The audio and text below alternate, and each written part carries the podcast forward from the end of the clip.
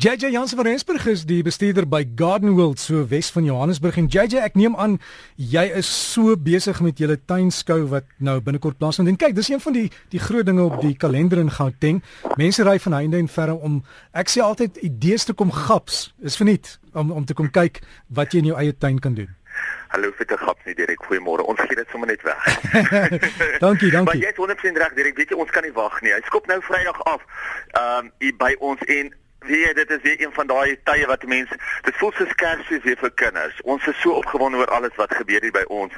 En ja, soos jy sê dit dit skop af en dit is weer 'n fenominale ondervinding vir ons almal. Almal kom van baie ver af. Jy sal my nie glo as ek vir jou sê hoeveel mense van die verskillende tuinbouklubs van Potchefstroom, Vrede, ver weg want die mense bel en sê right hulle bring busgroepe mense deur. En dit is wat dit eintlik so lekker maak is die feit dat almal na ons skoutuine kom kyk want almal weet dit is die moeite werd. Almal weet dit is van 'n topgehalte. En natuurlik uh die die praatjies wat opkom is is net so lekker, jy weet. Daar's so baie wat mense eintlik by ons kan geniet. Maar direk alles skop nou op Vrydag by ons af die 29ste. En JJ ek seker op julle webtuis is die inligting, maar wat wat julle ook doen is daar's soveel jong tuinontwerpers wat wat nooit 'n geleentheid kry nie en julle betrek van hulle om te sê maar daar's vir jou so groot so groot stukkie tuin, wat het jy nodig bou vir ons tuin? Weet dis die lekker ding met hierdie jaar se skou. Wat ons gedoen het was ons het baie van ons jonger landskapbeheerders en uh ons noem dit die young landscapers het ons eintlik betrek by ons skou. Om hulle te sê, "Rad, weet jy wat? Ons wil julle graag help om daai trappie beter te word. Ons wil graag vir julle die geleentheid bied om julleself te verbeter, om aan die mense te wys dat mense hoef nie net altyd vir die groot ou gevestigde mense te gaan nie. Jy weet baie keer dan wil mense vir iemand klein en uniek gaan wat meer sy unieke styl het. En dit is reeds wat ons nou probeer doen het hierdie jaar. Ja, daar is baie van die bekende mense wat ook by ons gaan wees, maar daar's net so baie jong mense. Hm. En dan het ek 'n uh, SMS gekry JJ van 'n besorgde grasperk eienaar, eienaar, want ek sê eie is die eintjies in die in die tuin, uh, wat wat oorneem. Wat kan 'n mens doen? Jy weet daai eintjies of suurtjies noem jy dit, né? Nee? Uh nee, eintjies en suurtjies is twee verskillende goed, maar vra, in ja. elk geval Ja, kyk, daar is verskillende produkte wat 'n mens al op jou grasperk kan gebruik teen die eintjies en teen die sieringkies. Maar wat 'n mens moet onthou is, veral nou hierdie tyd van die jaar begin jou onkruide heel eerste kop uitsteek. So 'n mens moet maar altyd vroeg behandel vir jou onkruide en seker maak dat jy jou onkruide vinnig al behandel voordat hulle weer saad skiet, want baie keer vat 'n onkruid 2-3 weke dan skiet al klaar weer saad. En veral met jou eintjies is dit 'n ongelooflike probleem want 'n mens kry die hele tyd daai bolletjies onder die grond. So die bolletjies sit heeltyd onder die grond. So as jy hom behandel en jy spuit nie altyd die regte produk nie en jy maak nie daai plantjie dood tot onder in die bolletjies nie, dan ongelukkig gaan hy net die um die die die, die blaartjies weer brand en hy maak nie noodwendig die plantjie dood nie. So gaan na jou nasoeker kry toe gaan vra vir hulle wat is die regte produk wat ek um, kan gebruik. Lontel is 'n nou een wat um, ek vinnig gaan dink wat wel baie goed werk op jou onkruide, op jou grasperk onkruide. So gaan vra 'n bietjie by die kwekery self, wat kan ek gebruik teen eintjies en wat is 'n goeie breedblaar onkruiddoder? Alhoewel jou eintjies nie 'n breedblaar is nie, moet hy nou spesifiek wees teen eintjies. So vra vir jou kwekery, hulle sal vir jou help. En JJ, as ek as ek reg het, ek kan my miskien reg help hier. Eintjies, dis een wat hy 'n blaartjie soos 'n shamrock, né? Nee? Dis 100%. Ja, hy het 'n blaartjie soos 'n shamrock. Hy lyk eintlik ehm um, hy's eintlik deel van die papierus familie. Jy sal dit nie glo nie. Daai nail papierus. So hy's 'n miniatuur miniatuur nail papierus. Hy is 'n Cypress esculentus is wat hulle hom noem en ehm um, en hy groei nie baie hoog nie. Ehm um, Maar jy weet as hy as hy kwai opkom in 'n tuin en as hy regtig 'n groot probleem is, dan sit hy soos hare op 'n hond se rug wat hy eintlik vol op 'n hele graswerk sit. Jy weet wat hy eintlik vir jou 'n uh, 'n uh, fyn blaartjie gee, 'n ligter groen blaartjie, maar hy groei baie vinnig en hy gee eintlik vir jou 'n baie onnet graswerk. En dit is reeds hoekom mense van hom wil ontslaa raak.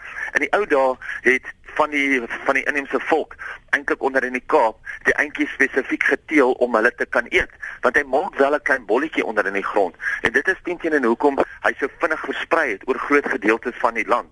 Dit wat die mense hom eintlik rondgedra het om reeds van die bolletjies te eet. Maar nee ja ek en jy eet nie die bolletjies en vir ons is dit onkruid. Ja en en die sering is meer van 'n tipe harde gras ding wat net uitkom Die sering is uh die clover.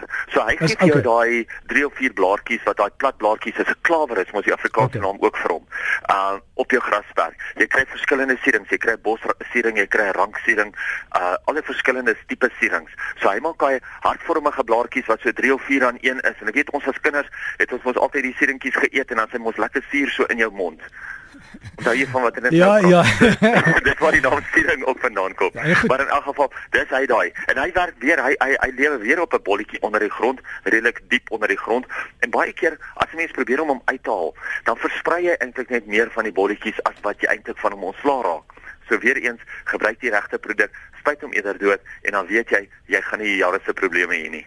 Dis jy dan die ander take in die tuin, dis amper die einde van die winter, né? Dit is amper die einde van die winter en heel eers voordat ek ander take vir ons gee, jou eerste taak wat jy moet doen, kom kyk op ons webtuiste na die verskillende praatjies en die eerste ene wat opkom is die lekkerste ene van almal. Nee, dit is nou waar David Davidson wat die SA Kirstenbosch uitstalling nou al ek dink 23 of 24 keer gebou het in Londen wat hierdie jaar weer met ons sy ervaring by die 2017 Londen se Chelsea Blommeskou met ons gaan kom deel. En dit is 'n skyfie vertoning waar hy ook praat en hy vertel jou van alles wat daar so gebeur en hy bring vir jou 'n bietjie daai daai insig wat 'n mens nooit sou kry as 'n mens net na 'n 'n video of 'n DVD of selfs na die foto's gekyk het nie. Om dit eerste eerste rangs of eerste hands van hom af te kry is soveel lekkerder. Maar daar's soveel ander um, vertonings en aanbiedings hier by ons waar die kinders met hulle ouers kan blommerangskikkings doen.